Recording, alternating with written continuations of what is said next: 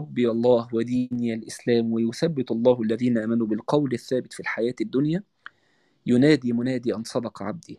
فافرشوه من الجنة وألبسوه من الجنة وافتحوا له باب الجنة فيأتيه من روحها وطيبها ويفسح له في قبره مد البصر. عارف يعني إيه مد البصر؟ يعني مثلا أنت نظرك بيجيب كام مثلا؟ النظر بيجيب كام كده دكتور مصطفى تقريبا؟ يعني ممكن. الإنسان نظره يجيب كام؟ حد يعرف؟ تقريبا كيلو مثلا ولا 2 كيلو؟ يعني ممكن نظرك مد بصرك يجيب 2 كيلو مثلا؟ ولا لا مش أكتر؟ يعني يجيب لا يعني أنت مثلا لو واقف والهرم مثلا على بعد كيلو مثلا فتبقى شايف الهرم فاهم قصدي؟ مش مش آه النظر بوضوح يعني بس المعالم بتبقى شايف بالمعالم كده. لا كيلو ممكن أو أقل. لو حاجة عالية بقى مثلا ولا مبنى عالي مثلا برج القاهرة أنت مثلا وأنت ماشي قبلها بكيلو ممكن تشوف. فأنت يمد لك مد البصر. فالمتر في متر ده اللي أنت دافن حد عزيز عليك أو إن إحنا هنخش تقول إيه ده, أنا هبقى قاعد في المتر متر ده إزاي؟ بعد ما كنت قاعد في البيت الواسع والدنيا الواسعة يا عم ده مد البصر. ده أوسع مكان أنت هتقعد فيه أصلا. ده أوسع من أي مكان أنت قعدت فيه في الدنيا. عشان كده النبي قال مد البصر. عشان شوف أنت اوسع مكان قعدت فيه في الدنيا إيه أوسع مكان إيه؟ أهو ده أوسع منه. فيمد له مد البصر. ويأتيه رجل. شوف بقى ال- الكلمة الحلوة دي. ويأتيه رجل حسن الوجه. حسن الثياب. طيب الريح ريحته حلوة. وسيم شكله حلو. لبسه حلو. فيقول أبشر أبشر بالذي يسرك. هذا يومك الذي كنت توعد. فيقول من أنت؟ بعد ما بتجاوب على الأسئلة وبينادي المنادي إنك صدقت ويتفرش لك من الجنة يجي لك راجل. كل دور الراجل ده إيه؟ إنه يونسك بس لحد ما القيامة تقوم. وده وده إن دل على شيء يدل على إن الإنسان بيحتاج ونس. في الجنة لما ربنا خلق آدم خلق له حواء. وكأن الجنة كلها بدون حواء ولا كانت تسوى أي حاجة. وكذلك الدنيا. الإنسان مهما عمل نفسه قوي ومهما عمل نفسه عنده حتة استغناء عن الناس ومهما عمل نفسه مش محتاج لحد إحنا غلابة. إحنا والله العظيم غلابة. اسمع مني. إحنا غلابة. وبنحتاج حد وبنحتاج ونس وبنحتاج سند. وبنحتاج حد نسند عليه سواء واحدة أو واحد صاحبك أو آه، مراتك أو جوزك أو صاحبتك أو بنتك أو زميلك في الشغل الإنسان بيحتاج ده لدرجة إن في حتى في القبر هيجي لك راجل وشه حلو حسن الوجه حسن الثياب لبسه حلو وسيم كده ريحته طيبة ويقول لك أبشر أبشر بالذي يسرك يعني افرح بكل حاجة حلوة هذا يومك الذي كنت توعد فيقول له من أنت؟ فوجهك الوجه يجيء بالخير. الوش الحلو ده عارف لما تشوف حد كده داخل عليك المكان وتلاقي له بهجة كده داخل يفرحك كده ووشه جميل أنت بتقول الراجل ده مش هيجي وراه من كل خير كده يقول لك أنت وشك حلو كده عليا. فوجهك الوجه يجيء بالخير فيقول أنا عملك الصالح أنا عملك الصالح مين بقى الراجل الوسيم ده في الآخر طلع مين؟ ده عملك الصالح دي صداقتك في السر اللي محدش شافها غير ربنا. ده الإصلاح بين الناس اللي أنت عملته لما صلحت بين راجل ومراته وما كانش حد عارف الموضوع ده. ده اجتهادك كأب عشان تصرف على أولادك وتعفهم وتربيهم بالحلال. ده تربيتك ومجهودك في البيت وسهرك على أولادك وتعبك وصحتك اللي راحت على أولادك. أنا عملك الصالح. ده صلاتك اللي على وقتها. ده برك بأهلك. ده ال- ال- المشكلة اللي أنت كان واحد صاحبك متعرض ليها قوي وجبرت بخاطره. كان مكسور وجبرته ما عبد الله في الأرض بأفضل من جبر الخواطر. أنا عملك الصالح. ده اليتيم اللي أنت كفلته. دي البنت الغلبانة اللي أنت جوزتها. يجي لك الراجل الوسيم اللي وشه حلو ولبسه حلو فتقول له أنت مين؟ اللي هذا الوجه لا يأتي إلا بالخير. فيقول أنا عملك الصالح. فيقول المتوفي ربي أقم الساعة أقم الساعة حتى أرجع إلى أهلي ومالي يعني يا رب إيه بقى؟ أول من القيامة بقى وقابل بقى أهلي تاني بقى وحياتي بقى تاني كل مالية بقى كل مالي كل مالية عشان بقى أعرفهم النعيم اللي أنا فيه. ربي أقم الساعة ربي أقم الساعة. وبتنتهي من هنا حياة ال- البرزخ لحد ما القيامة تقوم. فالمؤمن يا جماعة وأحبابنا الميتين أحبابنا الميتين هم مش قاعدين في دنيا طويلة مش قاعدين في في حاجة صعبة مش قاعدين في في في أرض ضيقة ده مد البصر. مش قاعدين في مكان ريحته وحشة لو أنت بتزور المقابر ولقيت ريحة وحشة حواليها. ده قاعدين في ريح من الجنة ده قاعدين في طيب من الجنة. مش قاعدين هدومهم متقطعة دي أرواحهم لابسة من لبس الجنة. ده الأرض دي بتنعمهم ده ضمة القبر زي الأم الحنونة عليها. ف... فده حال الموتى. آخر حاجة بتحصل لهم آخر حاجة بتحصل لهم إن هم بيقابلوا بقى الأموات اللي قبل كده. مش آخر حاجة يعني ده بقى جزء بقى من العالم ايا كان الترتيب يعني. النبي صلى الله عليه وسلم يقول فيأتون به أرواح المؤمنين فلهم أشد فرحا به من أحدكم بغائبه يقدم عليه. يعني تخيل كده أنت أخوك راجع من الغربة وراجع من الغربة فرحان أنت قوي إن أنت شايف أخوك من الغربة. الموتى الموتى لما بيموتوا بيقابلوا بعض كده. فيأتون به أرواح المؤمنين. أنا لما أموت النهاردة وإن شاء الله يبقى قبري روضة من رياض الجنة. بابايا بقى اللي مات أخويا اللي توفى جدتي لا كل الأموات اللي ليا في حياتي يبدأوا يقابلوني فيأتون به أرواح المؤمنين. شوف النبي يقول لك إيه؟ فلهم أشد فرحا به من أحدكم بغائبه يقدم عليه. فيسألونه ماذا فعل فلان. يقعدوا بقى يسألوه على أحوال أهل الدنيا. أخبار فلان وأخبار القطة اللي كنا بنربيها حتى الهرة يسألوا عليها. أخبار القطة بتاعتنا إيه؟ أخبار فلان إيه؟ عمل إيه؟ وفي وسط الأسئلة وهم بيسألوه على حد من الناس فالمتوفي اللي لسه رايح طازة ده يقول لهم أما أتاكم؟ فيقول ذهب به إلى الهاوية. يا إنا لله وإنا إليه راجعون. فالنهاردة الميت اللي بيبقى لسه ميت فيروح يقابل مثلا باباه ومامته اللي توفوا قبله فيقعد يسألهم الموتى بقى يسألوه أخبار حال فلان إيه؟ ومصطفى عامل إيه؟ وأخوك عامل إيه؟ يسألوه على اسم من الأسماء والاسم ده كان ميت أصلا بدري. فيقول إنا لله وأنا يفهموا إنه ما راحش معاهم. يفهموا ان هو مش قاعد وكأن كده حياة البرزخ دي ناحيتين ناحية فيها الناس الطيبة وناحية فيها الناس اللي مش كويسة. فالناحية اللي فيها الناس الطيبة دي عايشين مع بعض في عالم البرزخ. فلما أنت كطيب بتموت وتروح لهم ويقعدوا يسألوك على الناس وتقول لهم كويس وكويس فيسألوك على حد إيه ده؟ هو أنتوا بتسألون بتسألوني عليه ليه؟ هو ما جالكوش إنا لله وإنا إليه راجعون. ف... فمن جمال حياة المؤمن في البرزخ إنه بيروح لباباه بقى. يعني أنت مثلا عيلتك اللي ماتت أحبابك الطيبين اللي ماتوا أنت بقى ليك فرع في البرزخ خلاص أنت مش هتروح لوحدك. ودي من برضو من من الدلع اللي بتدلعه في القبر إن ربنا بقى يوديك لأهلك. إن ربنا يوديك بأهلك. عشان كده من الأدلة إن الأموات بيتزاوروا من الأدلة إن الأمراض إن الأموات بيتزاوروا. لما سيدنا النبي بيموت وهو بيموت فقال للسيدة فاطمة ادنوا مني يا فاطمة. فقربت منه كده فوشوشها فبكت. ثم قال ادنوا مني يا فاطمة. فوشوشها فضحكت.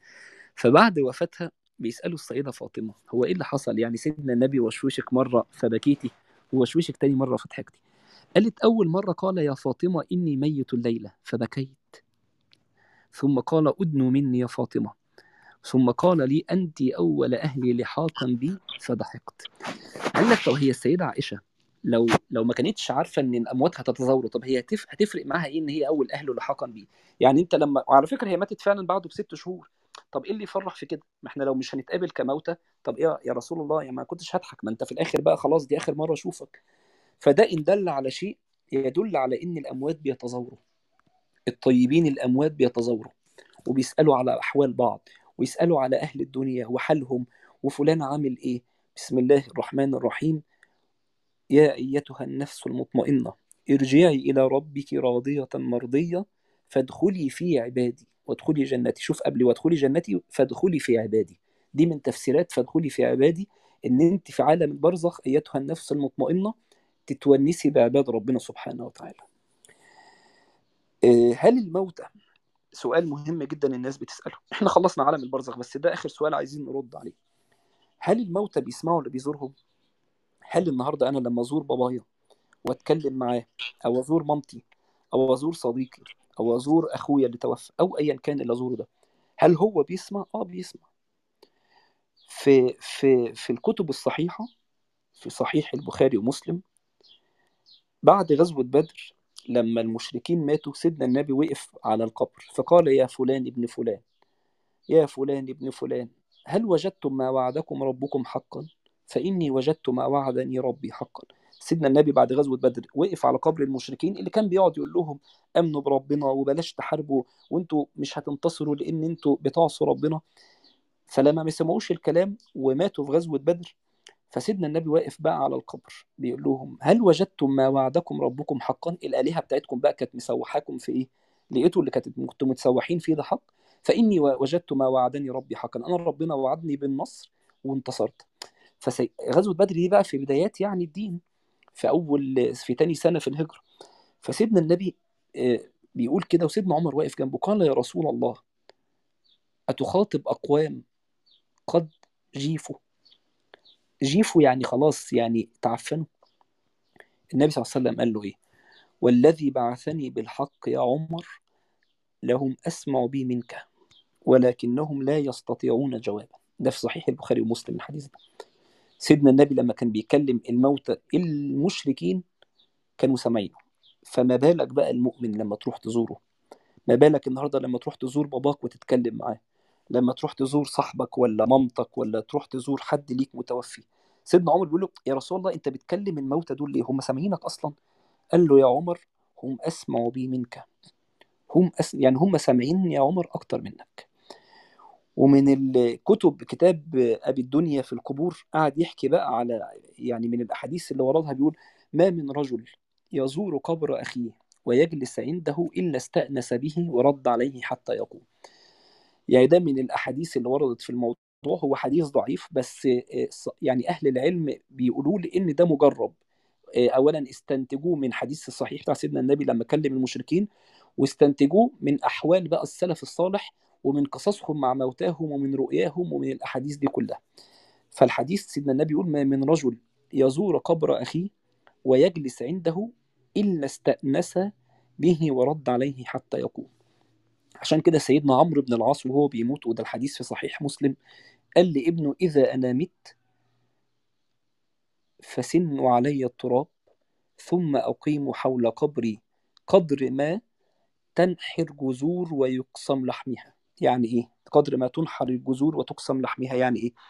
يعني بيقول لابنه لما أنا أموت ما تدفنيش وامشي عارف مقدار ذبح الشهوة وتوزيعها يعني حوالي ساعتين اقعد على قبري ساعتين اقرأ لي القرآن بقى ولا تدعي لي ولا تذكر ربنا ليا. ليه الكلام ده كله؟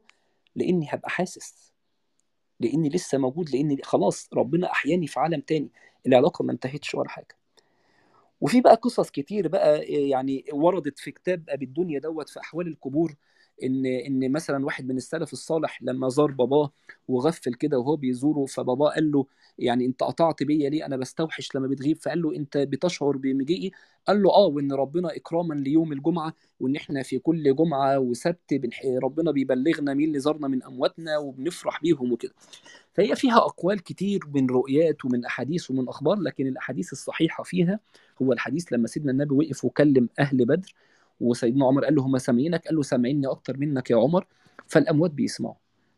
ومن بر الوالدين إنك تزور أهلك. يعني لو أهلك متوفين وكنت بتبرهم في الدنيا فمن بر الوالدين إنك تزورهم كمان بعد ما يموت لأن هم حاسين بيك وسامعين فسبحانك اللهم وبحمدك يعني يعني أنا كده خلصت. لو حد من اللي موجودين حابب يسأل في حاجة في الموضوع دوت طبعا الموضوع ده المعلومات عنه سيدنا النبي قالها قليلة فإحنا قلنا اللي نعلمه فيه. من العوالم القليلة اللي سيدنا النبي اتكلم عنها حياة البرزخ. لكن سريعا كده يعني لو هنلخص في دقيقة كده اللي قلناه كله في أقل من دقيقة نحاول نلخص. حياة المؤمن بتبتدي من وقت خروج روحه. من وقت خروج روحه ساعتها لما المؤمن بتيجي روحه تخرج ربنا بيبشره. ربنا بيبشره لما قال إن الذين قالوا ربنا الله ثم استقاموا الناس اللي كانت بتأدي فرائضها في الدنيا وما بتظلمش الناس ولا تأذيهم. إن الذين قالوا ربنا الله ثم استقاموا تتنزل عليهم الملائكة. ألا تخافوا ولا تحزنوا. وقت طلوع الروح الملائكة تيجي تبشرهم وأبشروا بالجنة التي كنتم توعدون. والحديث اللي قلناه سيدنا النبي بيحكي فيه قصة خروج روح المؤمن. فإحنا في مرحلتين مرحلة خروج الروح ومرحلة القبر. مرحلة خروج الروح إن العبد المؤمن إذا كان في انقطاع من الدنيا خلاص بيموت أهو وإقبال من الآخرة. نزلت عليه ملائكة بيض الوجوه وجوههم كالشمس معهم كفن من أكفان الجنة وحنوط من حنوط الجنة. يعني إيه معاهم كفن من أكفان الجنة؟ ده للروح. قلنا الجسد خلاص إحنا الجسد دوره انتهى. بنغسله ونغسله ونكفنه وندفنه كده لأن التكريم للجسد خلاص اللي دوره انتهى. 70 80 سنة ده كان دوره خلاص. لكن الحياة بعد كده للروح. فالملائكة دي تيجي.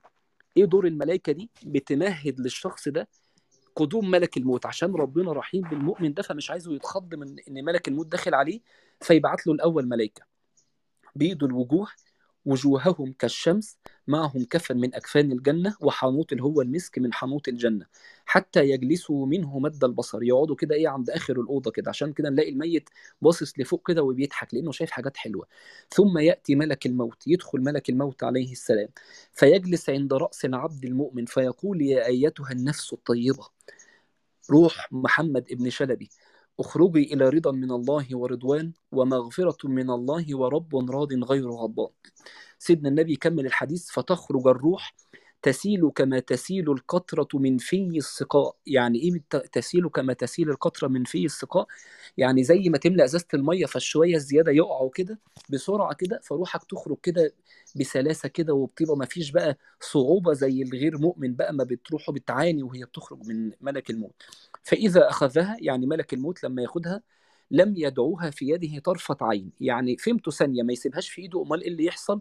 يأخذوها ملائكة الرحمة اللي كانوا موجودين أصلا قبل ما ملك الموت يجوا معاهم الكفن والحنوط ده. فيأخذوها ملائكة الرحمة فيجعلوها في ذلك الكفن وذلك الحنوط من الجنة فتخرج منها ريح كأطيب نفحة مسك وجدت على وجه الأرض. شوف أحلى ريحة أنت سميتها إيه في حياتك؟ الريحة دي أحلى منها. فيجعلوها في ذلك الكفن ويخرج ويخرج منها ريح كأطيب نفحة مسك وجدت على الأرض فيصعدون بها إلى الله فلا يمرون على ملأ من الملائكة. الملائكة بقى في العالم كله منتشرة إلا قالوا ما هذا الروح الطيب روح مين الحلوة دي؟ فيقولون فلان ابن فلان بأحسن أسمائه التي كانوا يسمونه بها في الدنيا. يعني النهاردة زي ما كنا بنقول كده أنا مثلا أصحابي بيحبوا يقولوا لي شلبوكة مثلا فتلاقي الملائكة دي وهي شايلة كده الروح فالملائكة بقى اللي قاعدة في السماوات السبع يقولوا الله مين الروح الحلوة اللي معاكم دي؟ يقولوا ده, ده إحنا شلبوكة مات خلاص بقى فطالعين بيه ربنا فيوصلوا بيه للملأ الأعلى. فيقول الله عز وجل اكتبوا كتاب عبدي في عليين. الراجل ده مكرم قوي. ومن هنا وبعد كده تعود الروح بقى للقبر. وبتبدأ من هنا عالم القبر حياة القبر. وقلنا دي حياة غير حياة الدنيا غير حياة الآخرة. ليها ميكانيزم مختلفة. ولكن الميت ده بيعي وبيسمع وبيرى. يرى مقعده من الجنة يشم رائحة الجنة يسمع قعر النعال يجاوب من ربي. أول حاجة بتعدي عليه في القبر هي اسمها ضمة القبر. لو أنت مؤمن وبتقيم فرايضك وبتصلي وبتزكي وبتصوم وبتحج وما بتظلمش الناس وبتبر أهلك فضمة القبر بتكون كضمة الأم الحنونة لولدها. والغير مؤمن والعياذ بالله اللي كان بيضيق على الناس واللي كان موقع لفرايضه باستمرار وبيستكبر إنه يرجع لربنا ومش في دماغه أصلا إنه يجاهد حتى نفسه ولا يبذل مجهود بتكون الضمة صعبة فبيسمع صرخته أهل الأرض جميعا إلا الثقلين إلا الإنس والجن. فدي بتبقى أول مرحلة هي ضمة القبر. ضمة أم حنونة على ولدها المؤمن. تاني مرحلة بعد ضمة القبر يجي الملائكة منكر ونكير يجلسانه يقعدوه كده فيقولون له من ربك؟ فيقول ربي الله أنا لا إله إلا الله. فيقولون وما دينك؟ فيقول ديني الإسلام. فيقولون ما هذا الرجل الذي بعث فيكم؟ فيقول هو رسول الله صلى الله عليه وسلم. فيقولون السؤال الرابع الناس كلها دايما فاكرة إن هم ثلاث أسئلة بس هم أربع أسئلة. فيقولون وما علمك؟ فيقول قرأت كتاب الله فآمنت به وصدقته. أنا كنت بقرأ القرآن أنا الكتاب عندي ما كانش مطرب. ما كنتش بقرأه مثلا في الوفيات وبس ولا كنت حاطه في العربية عشان أتبارك بيه. لا لا لا ده كتاب حياة مش كتاب موت. فأنا قريت القرآن. وعملت بيه وصدقت اللي فيه صدقت لما ربنا قال النهارده إن يوفى الصابرون أجرهم بغير حساب فصبرت على الابتلاء لأن عارف إن ربنا هيعوضني في الدنيا والآخرة. إيه لما ربنا حماني من من حد مؤذي أنا كنت مصدق إن ربنا سبحانه وتعالى قال وعسى أن تكرهوا شيء وهو خير لكم. فالجوازه اللي باظت ديت أنا كنت صابر وكنت راضي لأن عارف آه كنت زعلان وبعيط بس كنت راضي لأن عارف إن ربنا بيمنع عني الشر حتى لو أنا شايفه الخير. أنا قريت في الكتاب إن ربنا أمر بالصلاة وقال إن الصلاة كانت على المؤمنين كتابا موقوتا. فربنا فرض الصلاة النهاردة. فأنا كنت بصلي خمس صلوات على وقتها أحب الأعمال إلى الله. ربنا أمرنا بقراءة القرآن. ربنا فرض الحجاب. ربنا فرض الحج. ربنا فرض الزكاة. أنا قرأت الكتاب وعملت بيه. قريت فرايد ربنا في القرآن اللي فرضها عليا كل كلها وعملت بيها. فلما تجاوب الأسئلة الأربعة دي ينادي منادي من السماء أن صدق عبدي فافرشوه من الجنة وألبسوه من الجنة وافتحوا له بابا إلى الجنة فيأتيه من روحها وطيبها ويفسح له في القبر مد البصر ويأتيه رجل حسن الوجه وسيم كده حسن الثياب طيب الريح فيقول أبشر أبشر بالذي يسرك هذا يومك الذي كنت توعد. فيقول من أنت؟ الميت يسأله من أنت؟ فوجهك الوجه الذي لا يأتي إلا بالخير. فيقول أنا عملك الصالح أنا صلاتك أنا صدقتك أنا زكاتك أنا القرآن أنا قيامك أنا برك بوالدينك أنا اليتيم اللي كفلته أنا المعصية اللي سبتها أنا العلاقة الحرام اللي بعدت عنها عشان خاطر ربنا أنا تبتك من الكبائر لما تبت من الخمرة ولا من الزنا أنا عملك الصالح لما عملت الأعمال الصالحة دي. فيقول ربي أقم الساعة خلاص بقى يعدي عليه الوقت ده من بعد ما مات واتسأل الأسئلة دي لحد يوم القيامة كركعتين خفاف في الليل. كركعتين خفاف في الليل. بعد كده عالم البرزخ ده بيبقى متقسم بقى على اللي إحنا بقى بنخش بقى ده جزئين بقى. جزء الناس الطيبة بقى المؤمنة بيتزوروا بقى. فيأتون به أرواح المؤمنين. أهلك بقى اللي ماتوا سبقوك. فلهم أشد فرحا من أحدكم بغائبته يقدم عليه. يعني لو حد تايه منك أو متغرب وجالك بعد سنين غربة شوف أنت هتبقى فرحان بيه إزاي؟ أمواتك اللي سبقوك يبقوا فرحانين بيك بنفس الفرحة دي ويسألوك على أحوال الدنيا فتقول لهم فلان والله كويس وفلانة اتجوزت وأم أحمد مش عارف عملت إيه وأم والناس بقى اللي بتحب بقى الرغي هيقعد يرغوا للصبح ومش عارف مين حصل إيه ويسألوه على حد من الناس فيقول لهم إنا لله وإنا إليه راجعون أتاري إن الشخص ده مات؟ وهم بيسألوه فيقول ألم يأتي إليكم؟ ده سايبنا من زمان جدا فيعرفوا إن هو لسه ما جا... لسه قبره ما بقاش روضة من رياض الجنة. والعياذ بالله. فده ملخص عالم القبر. عالم هنخشه كلنا.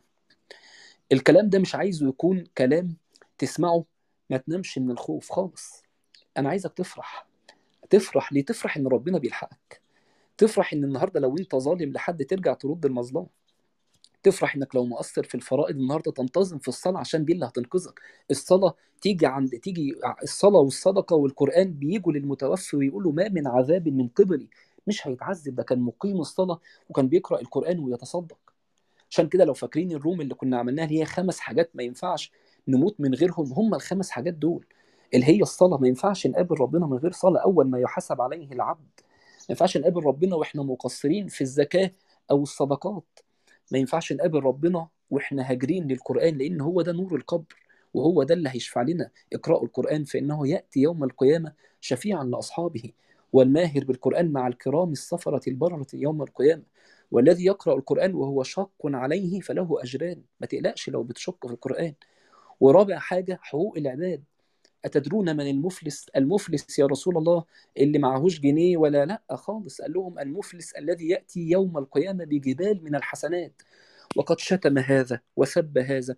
واتكلمت في عرض دي. ووقعت بين دي وجوزها ووقع بين صاحبه ده وعمل أسفين في زميله في الشغل وخان دوت في شرف وخانه في أهل بيته واذى جاره فده ياخد من حسناته ودي تاخد من حسناتها. فكل الأعمال الصالحة يكون كالمفلس ليس له حسنة هو ده المفلس. فخمس حاجات ما ندخلش القبر إحنا ما بنقول حياة المؤمن في القبر مش المقصود بيها إن إحنا نخوف الغير مؤمن المقصود بيها إنك تفرح. تفرح لو انت بتعمل اعمال صالحة فافرح واطمن. ودي الثلاث نوايا من المجلس ده. النية الأولى لو ليك أهلك متوفين اطمن عليهم. اطمن هم عند أكرم الأكرمين بإذن الله. وبإذن الله المتر في متر ده مش ضلمة ولا ضيق ولا ريحة وحشة ده قبر ونور ومد البصر. فاطمن على أحبابك اللي ماتوا. دي النية الأولى من المجلس.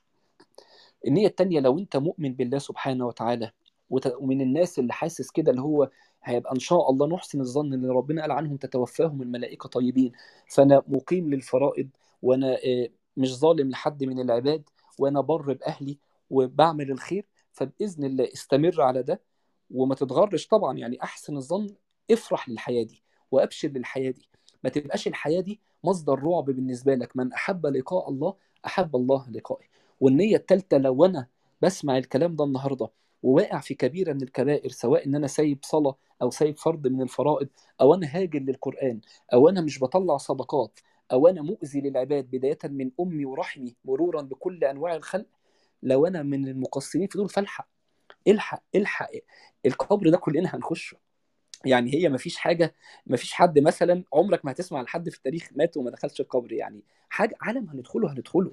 وعالم ربنا كلمنا عنه في القرآن عالم يقين هيحصل هيحصل. إنك ميت وإنهم ميتون. الكلام ده ما يخوفكش الكلام ده يفرحك إن ربنا بيلحقك في الدنيا. بيقول لك وقف الكبيرة اللي بتعملها. بيقول لك انتظم في الصلاة. بيقول لك ابدأ اعمل الخير عشان هو ده اللي هينقذك وأنت في القبر. بيقول لك النهارده لو أنت قاطع رحمك ولا عاقل أهلك ارجع بلاش الكبر وصالحهم وبوس إيديهم هم دول اللي هينوروا قبرك. لو أنت هاجر للقرآن وبقرأ كل يوم 20 بوست و20 مقالة و20 إيميل وما بتقراش صفحة كل يوم هو ده اللي هينور لك. اقرأوا القرآن فإنه يأتي يوم القيامة شفيعا لأصحابه وأول مرحلة في الآخرة هي القبر. فالكلام ده نفرح بيه. نفرح على أهالينا اللي ماتوا. نفرح على نفسنا لو إحنا الحمد لله مؤمنين. ونفرح ان أنا لو مقصر في الخمس حاجات اللي ما ينفعش أقابل ربنا من غيرهم نفرح إن ربنا بيلحقني دلوقتي. بيلحقني قبل ما أنزل وأنا مقصر في حاجة من الخمسة دي وساعتها الندم عمره ما هينفع. للأسف الوقت الوحيد اللي الندم فيه عمره ما هينفع هو الوقت ده. لأن خلاص باب التوبة اتقفل. يعني يعني يستتاب لاحدكم ما لم يغرغر. النبي صلى الله عليه وسلم يقول كده إن باب التوبة مفتوح ما لم تغرغر. يعني إيه؟ ولحد طلوع الروح. لحد طلوع الروح باب التوبة مفتوح للخلق كلهم. فده كده كان سريعا حياة المؤمن في القبر. لو